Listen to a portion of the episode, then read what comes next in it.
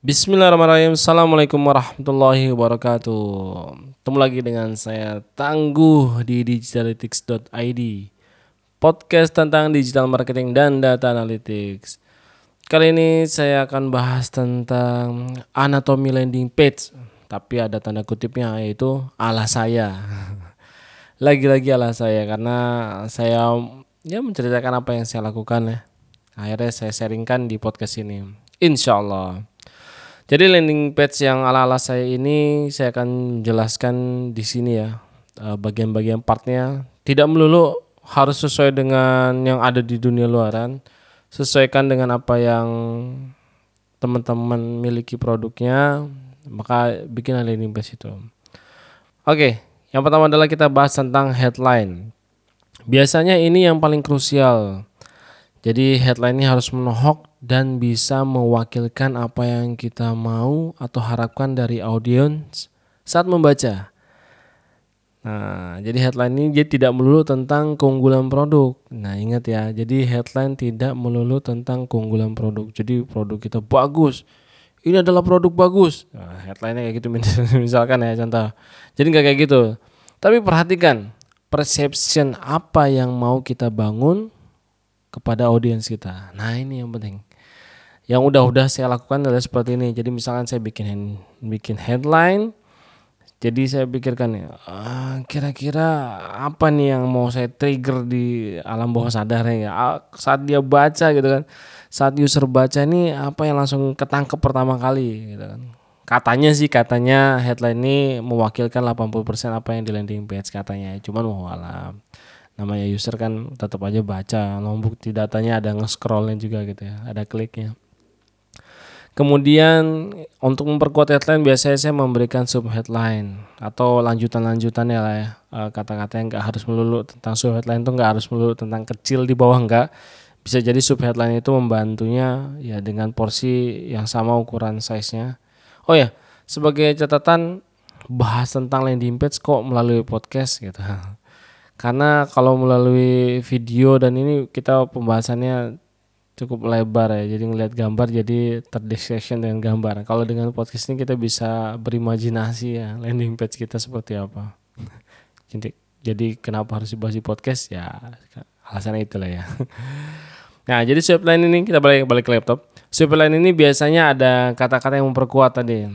Si headline seperti menjelaskan apa isi headline secara padat dan singkat nah itu sub headline jadi ada headline ada sub headline Kemudian biasanya di bagian atas itu itu ada video atau gambar ya. Di biasanya partnya disebutnya dengan hero, part di atasnya disebutnya hero. Ini membantu menguatkan si headline jika berupa gambar. Tapi kalau video biasanya disebut dengan VSL. Apa itu VSL? Yaitu video sales letter ya. Biasanya kalau kita buka landing page tiba-tiba ada video, biasanya itu akan menjelaskan tentang produk atau sebagian besar yang ada di landing page juga video sales letter. Jadi intinya uh, harapannya dengan menonton video sales letter itu biasanya sih di bawah VSL ini ada CTA ya. Jadi langsung klik hmm, kliknya tuh bisa jadi langsung ke bagian harga atau klik langsung ke check out order dan macam-macam.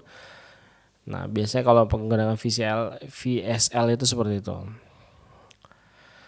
Kemudian setelah kita melihat ada headline, sub headline atau ada gambar atau video mendukung di bagian atas, itu powerfulnya di atas.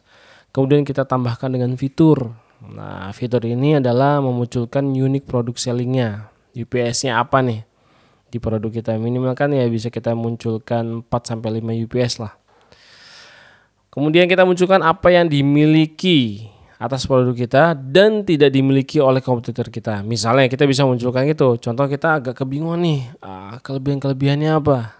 Kita bisa munculkan apa yang tidak dimiliki kompetitor. Kita cek lah kompetitor kita apa. Oh, nyata unique selling produknya uh, ada di sini. Usahakan dibantu menggunakan visual saat kita menjelaskan fitur, keunggulan. Usahakan menggunakan visual ya. Visual itu berupa gambar penjelasan bukan menjelaskan lebih detail cuman kita uh, misalkan unique produk sellingnya kita Misalkan contoh, contoh saya ada produknya adalah menggunakan augmented reality. Augmented reality itu apa? Nah, otomatis itu udah otomatis saya menggunakan video atau gambar untuk mendukung itu.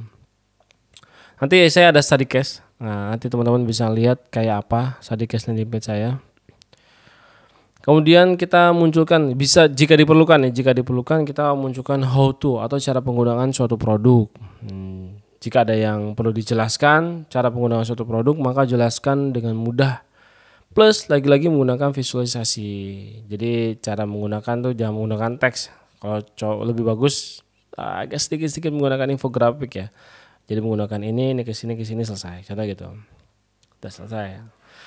Habis itu perlukah di landing page kita menjelaskan tentang about us gitu ya, tentang saya atau tentang brand bisa jadi iya bisa jadi tidak. Kalau menurut saya. Kalau iya misalkan iya nih jawabannya. Jika sudah ingin branding dan long term atas journey yang sudah disiapkan. Ya jadi teman-teman kalau iya maka kita sudah memikirkan tentang branding dan long term atau journey-nya. Jadi kita menggunakan brand dari awal kita bangun gitu kan. User jadi saat ada produk baru atau reputation nah user udah mengingat yang produk kita dari warna lah eh, logonya lah atau jargonnya brand kita sudah kita gunakan di sini. Jika nah, jika tidak gitu kan. Nah biasanya nih main atau jualan tanpa branding biasanya menggunakan produk yang fast moving atau yang kita sebut biasanya dengan trending ya Nah, biasa jarang banget menggunakan brand. Saat menggunakan lagi trending produk A tiga atau lima bulan sudah berganti lagi dengan produk B bahkan dengan needs yang berbeda ya otomatis. Biasanya sih biasanya jarang menggunakan branding. Atau ya brandingnya ya jarang ya. Nama produk aja itu kadangkala itu produk apa ya bukan nama produknya bukan nama produk sendiri nama produk orang lain misalkan Kemudian lanjut di teh di anatomi landing page salah saya itu adalah yang cukup powerful adalah testimonial atau social proof. Nah, ini sudah tidak bisa dipungkiri harus ada ini. Nah, usahakan sudah mendapat feedback ya di part ini atau produk kita. Jika baru banget belum ada gimana? Ayo, misalkan kita baru mulai jualan nih di landing page kita, kita belum punya testi, blank saya ngalamin juga eh, tanpa eh, bikin landing page tanpa testimonial ya rapopo lanjut aja sembari kita garap. Sekalian kita tes produk kita sebenarnya ini diserap sama market nggak? Dimauin sama audiens nggak gitu ya? Akhirnya mendapat feedback satu dua itu udah kayak ngerasa gold banget itu ya alhamdulillah. Akhirnya kita publish lah. gitu. Tapi ini catatan, lagi-lagi bermain di landing page ini uh, ada catatannya. Pertama adalah feedback usahakan yang jujur. Jangan mengada-ngada atau bikin ya bikin ngarang-ngarang lah. Storynya tuh dibikin ala apa ya, istilahnya bukan real gitu. Kemudian saat kita mau publish feedback yang kita dapat, alangkah baiknya kita memohon izin ke user untuk dipublish ya. Biasanya uh, yang ada-ada gitu kan, yang sudah ada gitu.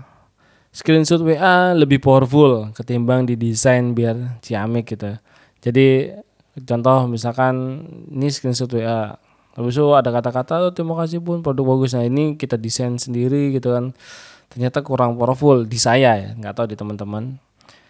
Jadi kalau mau main uh, menggunakan desain saya sarankan di eh, screenshotnya itu tetap disertakan kemudian dibikin ciaman nanti saya ada study case-nya. Contoh untuk bikin testimonial ya. Kemudian kita highlight lah kata-katanya kayak gitu biar ciamik ya.